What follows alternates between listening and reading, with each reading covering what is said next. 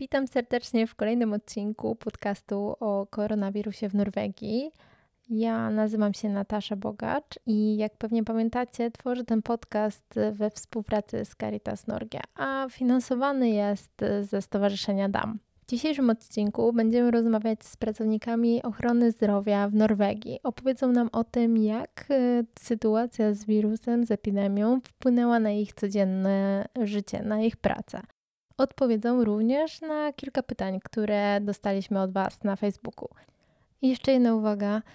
To echo, które słyszycie przy pierwszym wywiadzie, E, to mój głos odbijający się od ścian pokoju wspólnego w Caritas Research Center w Oslo, które służyło nam tego dnia jako studio nagraniowe. Zapraszam. Zazwyczaj zaczynamy tak, że ja proszę moich gości, żeby się przedstawili, powiedzieli kim są i co robią. To dzień dobry, witam serdecznie. Nazywam się Magdalena Świątek. Y, jestem pielęgniarką operacyjną, która pracuje w Norwegii. Aktualnie na bloku operacyjnym y, w Szpitalu Uniwersyteckim w Oslo na neurochirurgii i chirurgii twarzy czaszki. Możemy zacząć od tego ogólnego pytania. Jak zmienił się Pani dzień w Pani pracy pod wpływem epidemii koronawirusa? E, ogromnie, powiem szczerze, wszystko się wywróciło do góry nogami w związku z e, epidemią. E, łącznie z tym, że nawet mój blog operacyjny musiał z dnia na dzień przenieść się zupełnie na inne piętro, na inny blok, ponieważ nasz blok e, neurochirurgii leży tuż przy izbie przyjęć w szpitalu Ulewol i bardzo łatwo ten blok jest przekonwertować na izolatki właśnie w wypadku takiej epidemii. I tak też się pandemii. stało? Tak właśnie się stało. Blok inny, generalny, piętro wyżej zrobił nam miejsce i od e, kolejnego dnia już można było prowadzić pacjentów. Chociaż przyznam szczerze, że w całej sy sytuacji, gdzie szpitale uniwersyteckie i inne weszły na tak zwany tryb szczególny, co oznacza, że personel właśnie miał e, zakaz wyjazdu za granicę, były odnotowywane kompetencje personelu, czy mamy kompetencje do pracy z pacjentem typowym intensywnej terapii y, na respiratorze na przykład i mieliśmy zaplanowane również kursy pomocy na intensywnej terapii, gdyby były masowe przyjęcia chorych właśnie na koronawirusa. Takich przyjęć nie było. Nie było takiej potrzeby, nie było tak masowych przyjęć i z tego żółtego trybu, bodajże 16 kwietnia szpital wszedł z powrotem na zielony. Ludzie się bali, mm, że nie będą operowani, że kolejki są, że nikt w ogóle je postój, nikt nie pracuje tylko są sytuacje nagłe, jakby pacjenci z wypadków operowani, to nie jest prawdą. Pacjenci byli operowani również z kolejki normalnej. Wracamy do zupełnej normalności w trybie takim specjalnym, bo są pacjenci testowani, przed szpitalem są namioty żółte rozłożone, każdy przechodzi, jest ochrona dookoła całego szpitala, każde wejście jest zabezpieczone, nie można wejść bez informacji, kim się jest i po co się wchodzi, nie można odwiedzać chorych. Chyba, że ktoś jest właśnie ciężko chory, czy ma się właśnie dziecko w szpitalu, czy to będzie poród i, i chce się być przy porodzie jako tato. Tutaj tylko wtrącę małe uzupełnienie. Faktycznie zakaz odwiedzin we wszystkich placówkach zdrowia, w szpitalach, w domach opieki obowiązywał od samego początku, od 12 marca. Natomiast e, całkiem niedawno uśmiechnięty minister zdrowia powiedział na konferencji prasowej rządu, że ten zakaz zostanie zniesiony. Obecnie wszędzie, gdzie jest to możliwe, pacjenci mogą, mogą być odwiedzani przez swoich najbliższych. Również e, ojcowie, którzy mogli to prawda być obecni przy porodzie, nie są już wyrzucani zaraz po ze szpitala i mogą zostać też z mamą i z dzieckiem w hotelu przyszpitalnym po porodzie. Może Pani powiedzieć coś więcej, bo o tym też dostawaliśmy pytania e, na Facebooku.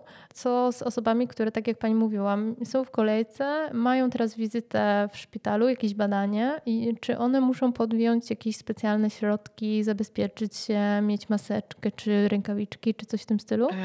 Nic mi na ten temat nie wiadomo. Personel, który wita pacjenta w danym miejscu pracy ma wytyczne, jak tego pacjenta przywitać. Pacjenci z planowych zabiegów dotychczas mieli 14 dni kwarantanny przed operacją plus test Aha. na wejściu do szpitala.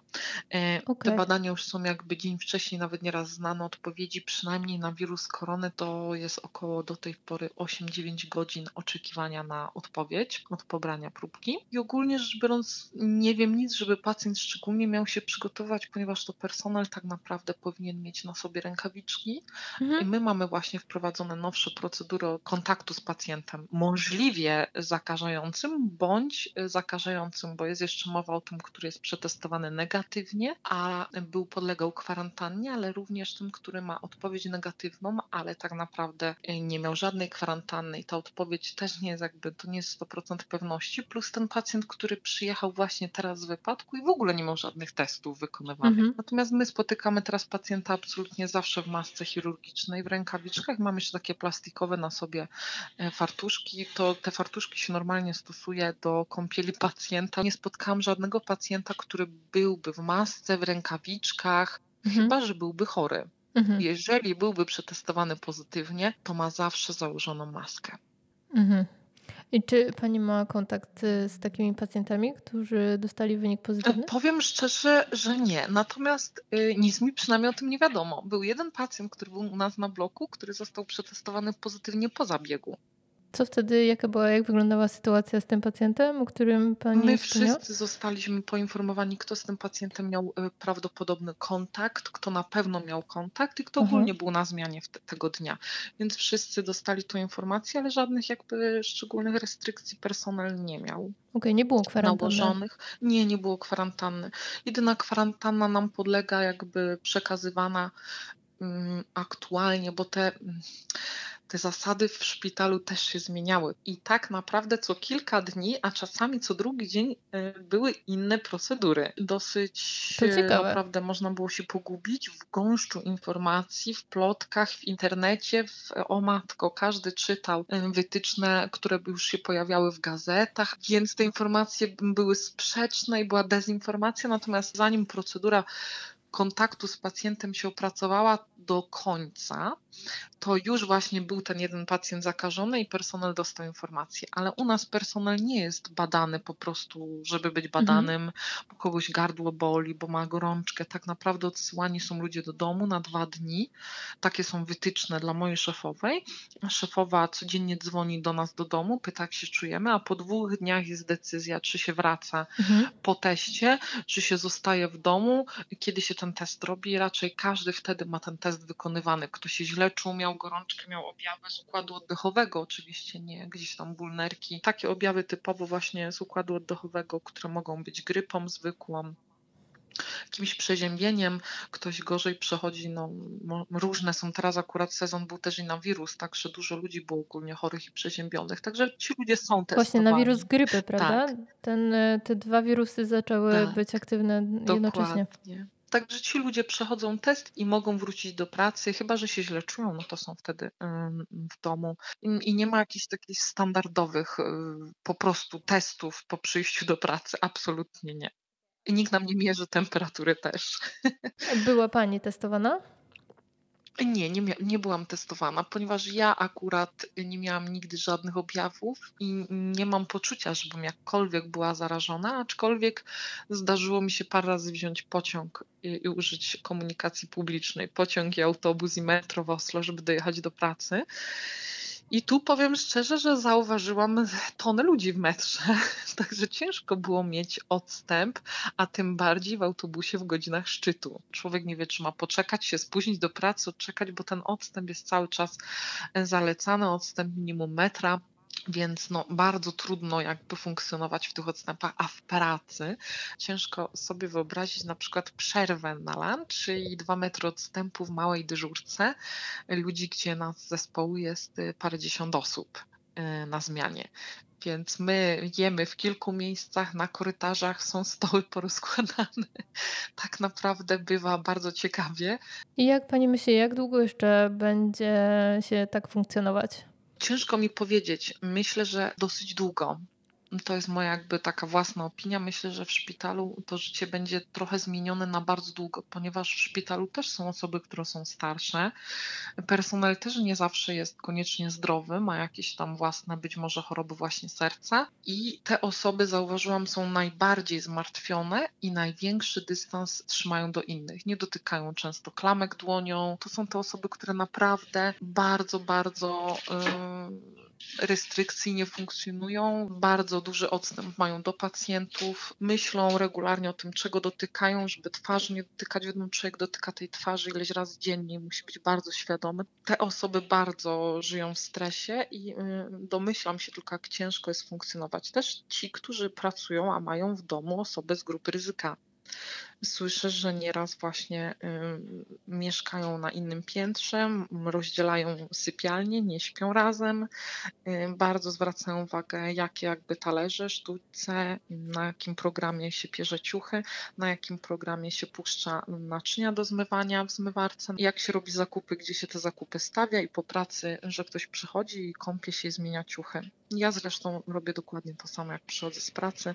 Też nie chciałabym jakoś nieświadomie, czy ze sklepu, czy właśnie jeżeli używam komunikacji miejskiej, gdzieś tam czegoś podotykać, a nie chodzę w rękawiczkach, nie chodzę w masce, takich obowiązków nie ma i to nie uważam w ogóle jakby za potrzebne prywatnie.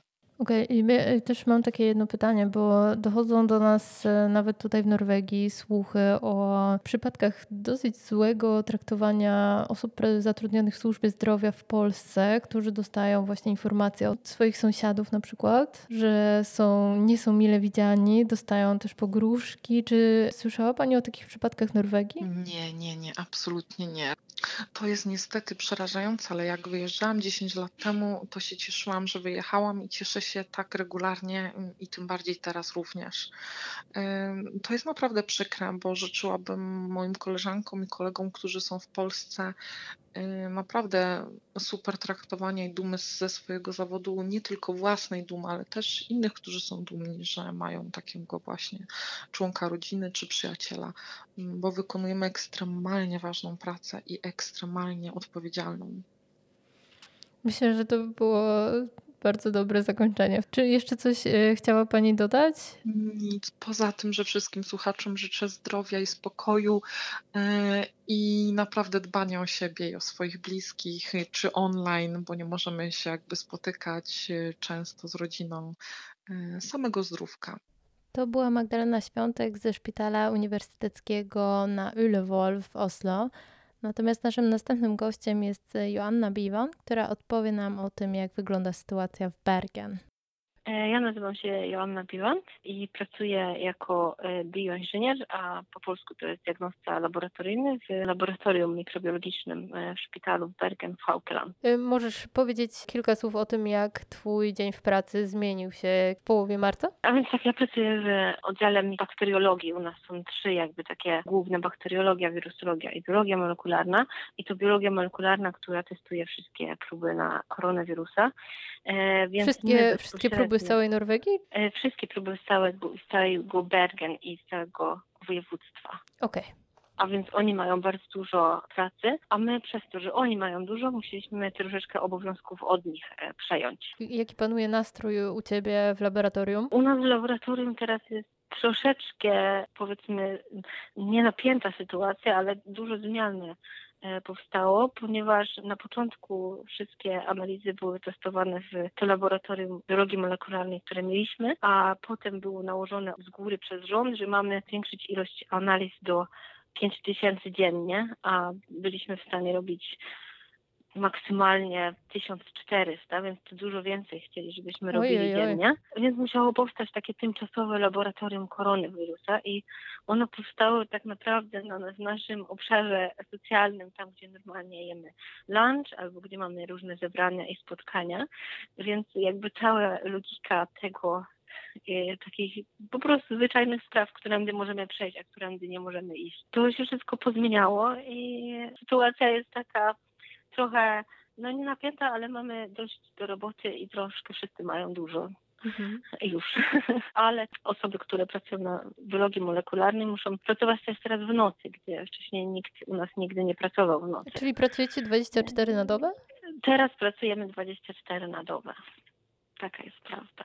I czy udało się Wam spełnić tą normę 5000 testów? Teoretycznie mamy na to możliwość, ale to, co jest zmianą, że ilość prób, które do nas przychodzi, się zmniejszyła. O, to ciekawe. A dlaczego? No właśnie, bo to jest też ciekawe, dlaczego się zmniejszyła, to też się nad tym zastanawiamy.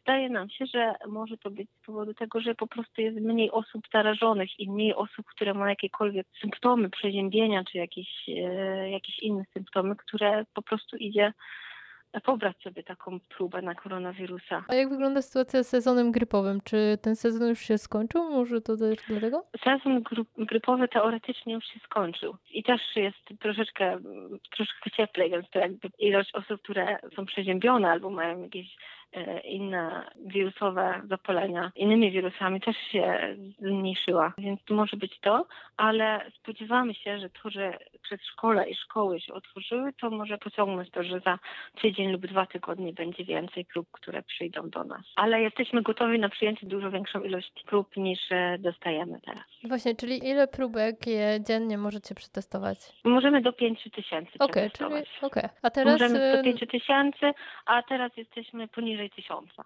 Aha. Jesteśmy gdzieś tak. To troszkę zależy od dnia do dnia. Ale słyszałam, że w tym tygodniu było już większe, więcej niż w zeszłym tygodniu. A na początku, na samym początku w marcu, czy w połowie marca, mhm. mieliśmy tak, że mieliśmy 2000 trup, które stały w kolejce jakby do przetestowania. A teraz gdyby przyszło 2000? Gdy, gdyby teraz przyszło 2000, to jesteśmy w stanie to zrobić. To dobrze wiedzieć. Teraz już zwiększyli te kryteria, że każdy, który ma jakiekolwiek symptomy albo podejrzenie, może iść na Legewakt albo nie wiem jak jest Oslo, ale w Bergen są takie stacje, gdzie można pójść i pobrać próbę. To znaczy można tam się, można tam pójść po ówczesnym skontaktowaniu się przez telefon, tak? tak? Rozumiem. Przez telefon albo z lekarzem rodzinnym, ale w, w, każdym razie chyba trzeba się umówić, żeby pójść tam. A możesz coś powiedzieć o samych testach? Bo e, wcześniej jak rozmawialiśmy z panią doktor z Folkehes Instytutu, powiedziała nam, że jedyne testy, jakie są zatwierdzone, to testy PCR. Czy dalej tak wygląda sytuacja? My wykonujemy w chwili obecnej tylko testy PCR i tylko te są zatwierdzone, aczkolwiek jest mowa o tym, że mają testy y, na przeciwciała być udostępnione i zaczynają to powoli w Norwegii wprowadzać. Czy u Was też to wprowadzili? U nas też y, zakupiono takie testy i teoretycznie można to wykonywać już teraz. Nie wiem, czy jeszcze też chyba są e, w fazie wprowadzania tego na wszystkich maszynach, które mamy, ale w każdym razie to jest coś, co będzie można wykonywać za niedługi czas też. Bo to jest ciekawe właśnie o tych testach, o tym, że macie laboratorium w kantynie, że jest ten... No to jest dość specyficzne, że mamy to laboratorium w naszej bo nasze laboratorium w kantynie jest tymczasowe. No tak, wiadomo. E, to, to ma być na 6 tygodni, tak mówią. Ale to pewnie wszystko zależy od tego, jak się sytuacja rozwinie. Czy będziemy nadal, będzie nadal spadać ilość osób zarażonych, czy nagle po otwarciu szkół i trochę otwarciu społeczeństwa wzrośnie ilość. No właśnie, jak, jakie dyskusje prowadzi się w przerwie na lunch w Twoim laboratorium? Jak ludzie prognozują, czy to pójdzie w górę i jak bardzo w górę, czy, czy nie? No to jest wszystko takie niepewne. Niektórzy uważają, że, że pójdzie w górę, ale nie pójdzie w górę więcej niż było, że tak powiem. Mhm. Może trochę pójdzie w górę po otwarciu, no bo wiadomo, ludzie będą mieć większy kontakt ze sobą nawzajem, więc może się trochę zwiększyć, ale trochę wątpimy w to, żeby to wróciło do tego momentu, gdzie mieliśmy najwięcej osób zarażonych. Jeśli będziemy nadal się trzymać tych wszystkich zasad, które obowiązują teraz, żeby mieć odległość od innych i myć i, i tak dalej to myślę, że to jest jakiś klucz do rozwiązania do tej sytuacji. Mhm, to jest właściwie jedyne rozwiązanie z tego, co ja, mhm. ja się orientuję, które tak naprawdę działa. Dobra, dziękuję Ci no, bardzo no, za rozmowę. Również. I do usłyszenia. Wszystkiego dobrego. Trzymaj się zdrowo. I tak oto został nam już tylko jeden wywiad. Miejscem pracy naszego rozmówcy jest ambulans. Mam na imię Jacek, nazywam się Borowiak i od kilku lat wykonuję swoją pracę w zespołach ratownictwa medycznego. Jestem ratownikiem medycznym, ale funkcję, jaką pełnię zgodnie z gradacją stopni, jestem paramedykiem. Czyli jestem takim medykiem jeżdżącym i pomagającym. Rozmawiałam z kilkoma pracownikami służby zdrowia, opieki tak. zdrowotnej w Norwegii. Tak, nie, nie, ma, nie ma czegoś takiego jak służba zdrowia. Słucham? Nie, nie ma czegoś takiego. Tak, nie ma. Jest, jest y, opieka zdrowotna. Opieka zdrowotna, mhm. właśnie. Nie wiem, ale to takie tradycyjnie chyba, tak się tak, mówiło. Ale, ale, ale jakby pielęgnować. Odchodzimy od tego. Wszyscy, którzy pracują w sektorze HLC, szczególnie którzy są z tej generacji, troszeczkę już po tych zmianach ustrojowych z Polski gdzieś dbają o to, bo to się strasznie bardzo źle kojarzy to nie jest tak, że my nikomu nie służymy, tylko my, my, świadczymy pewne usługi medyczne. To są nic innego jak czynności na rzecz drugiej osoby, w tym wypadku czynności ratujące zdrowie i życie. No tak, dobrze. Będę starała się o tym pamiętać, mimo że faktycznie muszę przyznać, że ta stara formułka jednak trochę mi utknęła w głowie przez te wszystkie lata, no ale już słyszałam te opinie i już teraz bardziej rozumiem i staram się używać poprawnego sformułowania. Będę bardzo wdzięczny, nawet nie dla mnie, okay. ale z pewnością docenią to ludzie, których to bezpośrednio dotyka. Ale tęsknisz za Polską w kontekście wykonywanego tak, zawodu? Tak, tak, absolutnie. Są takie obszary, również z punktu widzenia zawodowego, których mi mocno brakuje i za którymi tęsknię i, i po kilku już latach pracy w klinice Mówię o tym wprost i głośno, że jest wiele rzeczy, od których system ratownictwa medycznego w Norwegii mógłby coś podpatrzeć, podłapać dla siebie i coś zagarnąć. No tak, dla mnie to jest bardzo interesujące. Ja mam bardzo wiele pytań w ogóle dotyczących Twojej pracy, ale akurat w tym odcinku i w tym kontekście naszym zadaniem jest przedstawić naszym słuchaczom, jak wygląda sytuacja pod wpływem epidemii koronawirusa. I to jest właśnie to pytanie, od którego tak naprawdę zaczynam. Jak zmienił się Twój dzień w pracy po 12 marca 2020 w Norwegii? Albo nawet przed. Muszę powiedzieć, że nawet przed, gdyż te informacje, które docierały do nas e, poprzez media, e, już zaczęły jakby wyostrzać zmysły tym wszystkim osobom, które zarządzają systemem opieki, opieki zdrowotnej y, mhm. I już w grudniu zaczęto mówić o, o tym, że ta epidemia, czy może jeszcze nie wtedy epidemia, ale wtedy ten problem z SARS-CoV-2 może się rozprzestrzeniać. I wtedy gdzieś na etapie grudnia, stycznia zaczęło y, jakby zapalać się jakaś lampka czerwona ostrzegawcza w kilku instytucjach tutaj w Norwegii i zaczęto jakby przygotowywać się do pewnych scenariuszy. Niestety te scenariusze, niektóre z nich się potwierdziły i w związku z tym od 12 marca bieżącego roku mamy wprowadzone konkretne rozwiązania z punktu widzenia epidemiologicznego. Wiele z tych rozwiązań jest na wskroś trudnych dla nas, bo one wymagają nas więcej czasu na przygotowanie się do wyjazdu, wejście do pacjenta, zabezpieczenie siebie i pacjenta z punktu widzenia epidemiologicznego, żeby nie narażać siebie, swój zespół i jakby członków rodziny pacjenta na jeszcze jakieś nie, niepotrzebne ryzyko zakażenia, zgodnie z systemem tak zwanym czystym bądź brudnym, z podejrzeniem zakażeniem wirusa SARS-CoV-2, bądź już też z potwierdzonym rozpoznaniem choroby, jaką jest COVID-19. W związku z tym w dużej mierze, owszem, y, to miało wpływ na naszą taką codzienną pracę. Mhm, mówiłeś o tych zabezpieczeniach, które zajmują tyle czasu, który w Twoim zawodzie jest na pewno bardzo ważny. Czy możesz powiedzieć coś więcej na temat tego, jakie to są zabezpieczenia? Od samego początku, od samego wyzwania, to rzeczywiście operator numeru 113 jest takim pierwszym sitem tego wszystkiego, co przyjmuje. I oczywiście głównym problemem jest tutaj na przykład ból w klatce piersiowej i do tego nie ma żadnej dyskusji, zespół musi być zadysponowany, ale już w tym momencie operator stara się znaleźć informację, czy ten pacjent mógł być narażony na kontakt z kimś, kto był zakażony y, SARS-CoV-2. To już mhm, na mhm. etapie przyjmowania zlecenia. W tym czasie, kiedy już mamy napisany status, jaki jest status na COVID-19, czy on jest niejasny, czy on jest z podejrzeniem, czy on jest potwierdzony. W zależności od tego, jaki mamy status, to będziemy przygotowywać konkretne zabezpieczenie siebie czy naszego zespołu na y, możliwość ekspozycji, y, y, możliwość zakażenia się nową kropelkową. Przy każdym wyzwaniu określacie taki status? To jest około 85% otrzymujemy status. Te wszystkie 15% to jest tak zwany usięt, czyli nieznany i, i wtedy zachowujemy podstawową formę ochrony, czyli to są okulary przyłbice, maska chirurgiczna, rękawice i to jest taki podstawa, jeździmy do wszystkich pacjentów w ten sposób, Aha. a jeżeli mamy tam jakieś tak zwane mistenkę, jakieś podejrzenie, mhm.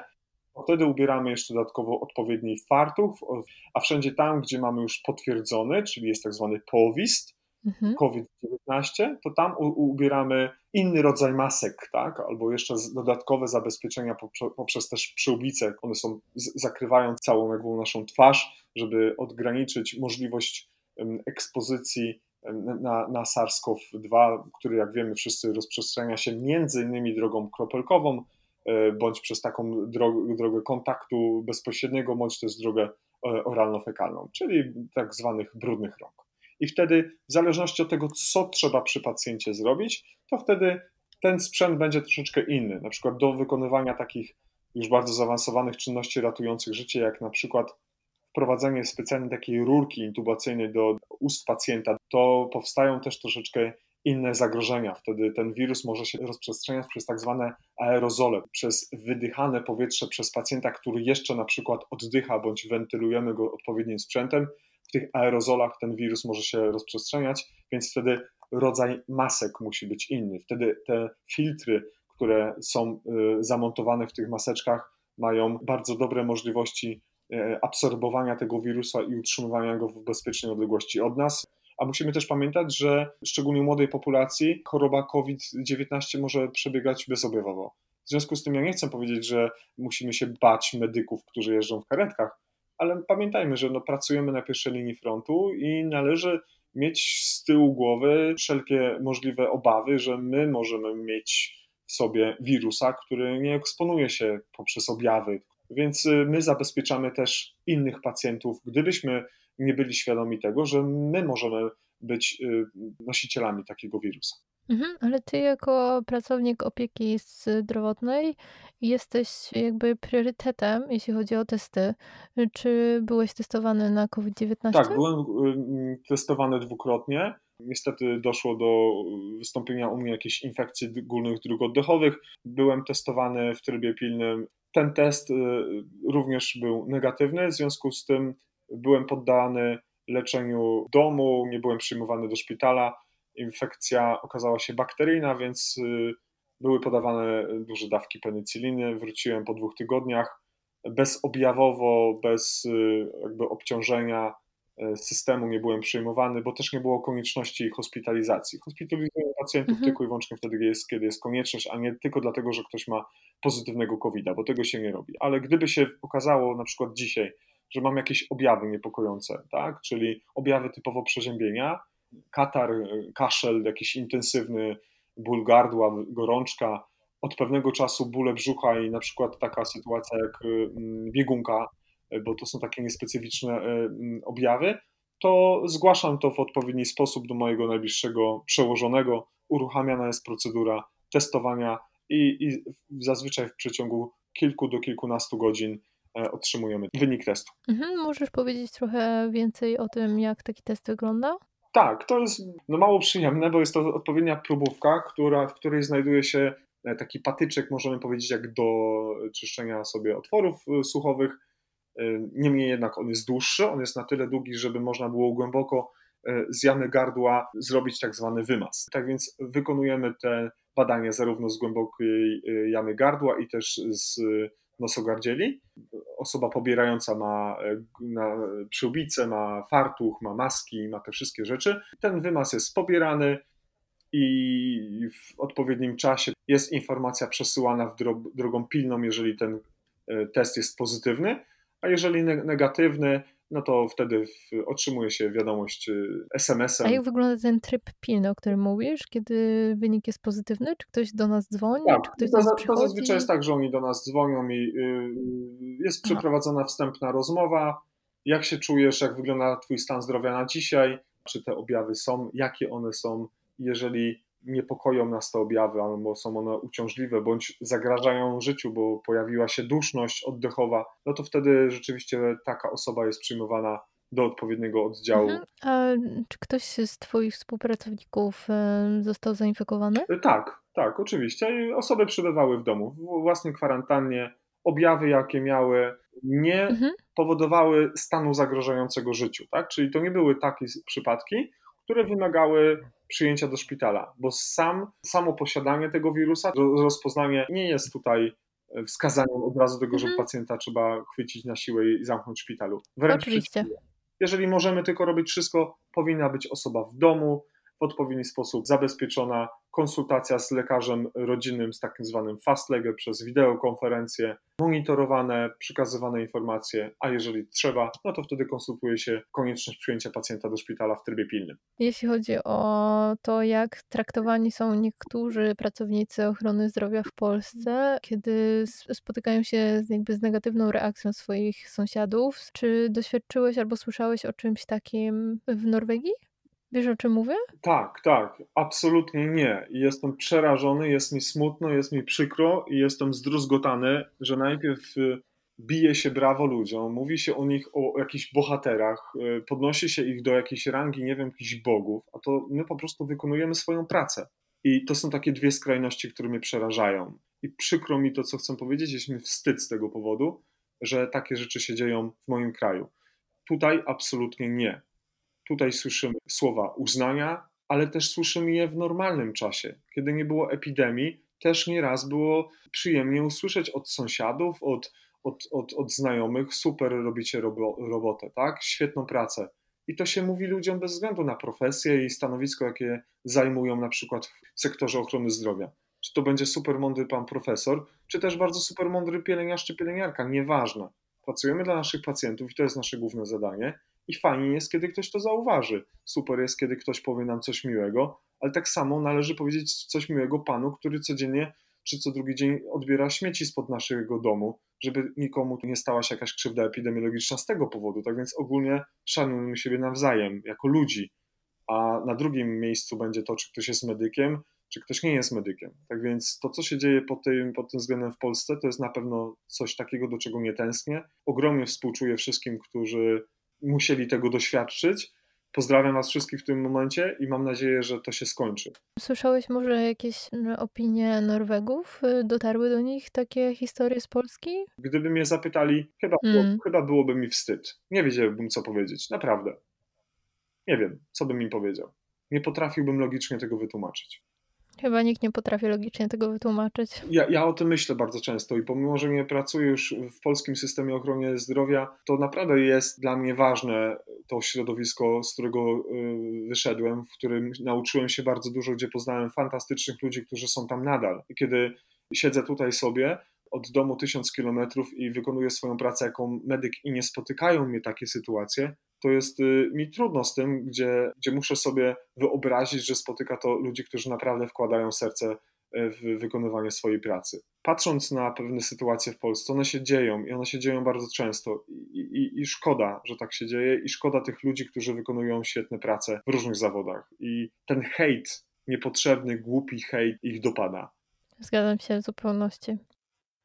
Jacek, powiedziałeś jeszcze już jakiś czas temu wcześniej, e, wspomniałeś o tym, że wróciłeś do Norwegii 14 marca. I... Tak, ale też było bardzo szybko powiedziane, że do wczoraj mieliśmy zakaz opuszczania Norwegii. Właśnie, o to chciałam zapytać. Tak, tak, i, i, jasne. I od razu to zostało szybko powiedziane, że personel medyczny nie może. Nie może. Dokładnie. Tylko, że tak mhm. dziwnie trochę to jest zrobione, bo teraz nie ma, znaczy nie ma tego obostrzenia, ale jest nadal obowiązek kwarantanny dziesięciodniowej, tak? Czyli to jakby jeden, ten przepis pierwszy jest martwy, że, że możemy wyjeżdżać za granicę bo i tak, tak po powrocie musimy być poddani tej kwarantannie domowej. Tak więc w tym momencie to nic mhm. nie zmienia, więc ja to nadal traktuję, że nadal nie mogę wyjeżdżać z kraju, tak więc do momentu, mhm. kiedy nie zostanie całkowicie zniesiona kwarantanna po przyjeździe z zagranicy, to dla mnie znaczy to dokładnie to samo. Czy możesz zgadywać, kiedy to nastąpi, zniesienie kwarantanny? Jak Zgodnie z, z, tymi wszelkimi doniesieniami, do których wszyscy Państwo, Wy i ja mamy dostęp, jakby tendencja jest taka spadkowa w tym momencie, ale my musimy pamiętać, że mhm. za chwilkę czeka nas druga fala tak zwanej y, grypy przełom prawdopodobnie, prawdopodobnie czerwca, lipca może przynieść duży wzrost z racji tego, że będą te takie letnie przesilenia. I kolejna fala, której się specjaliści, fachowcy kuluarach, ale też nie tylko, bo mówi się o tym też wprost. Mam nadzieję, że się nie sprawdzi to, co chcę powiedzieć, że dopiero po tej drugiej fali pozwolą nam wyjeżdżać bez kwarantanny za granicę no bo wtedy to utrudni życie wielu osobom, które mają swoje rodziny czy, czy jakieś ważne sprawy w procesie załatwienia. Jeżeli się tak nie stanie, to mam nadzieję, że to się zmieni przed wakacjami.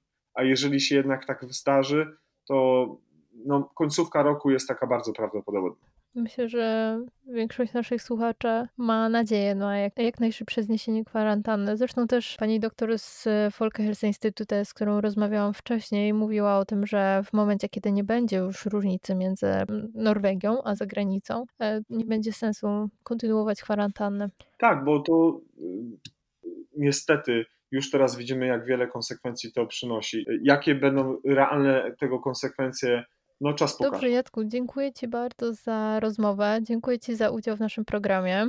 Proszę uprzejmie, było mi bardzo miło podzielić się z Państwem, z słuchaczami jakimiś takimi informacjami, które wydają mi się być rzetelne, no pochodzą, pochodzą raczej z pierwszej linii frontu. Z pierwszej tak linii frontu, dokładnie. Nadzieję, tak, tak więc myślę, że te osoby, które, które bezpośrednio interesują się tematem sektoru zdrowia albo w ogóle funkcjonują tutaj w Norwegii i ch chciały się czegoś więcej dowiedzieć, to znalazły coś dla siebie. Dziękujemy również i do usłyszenia.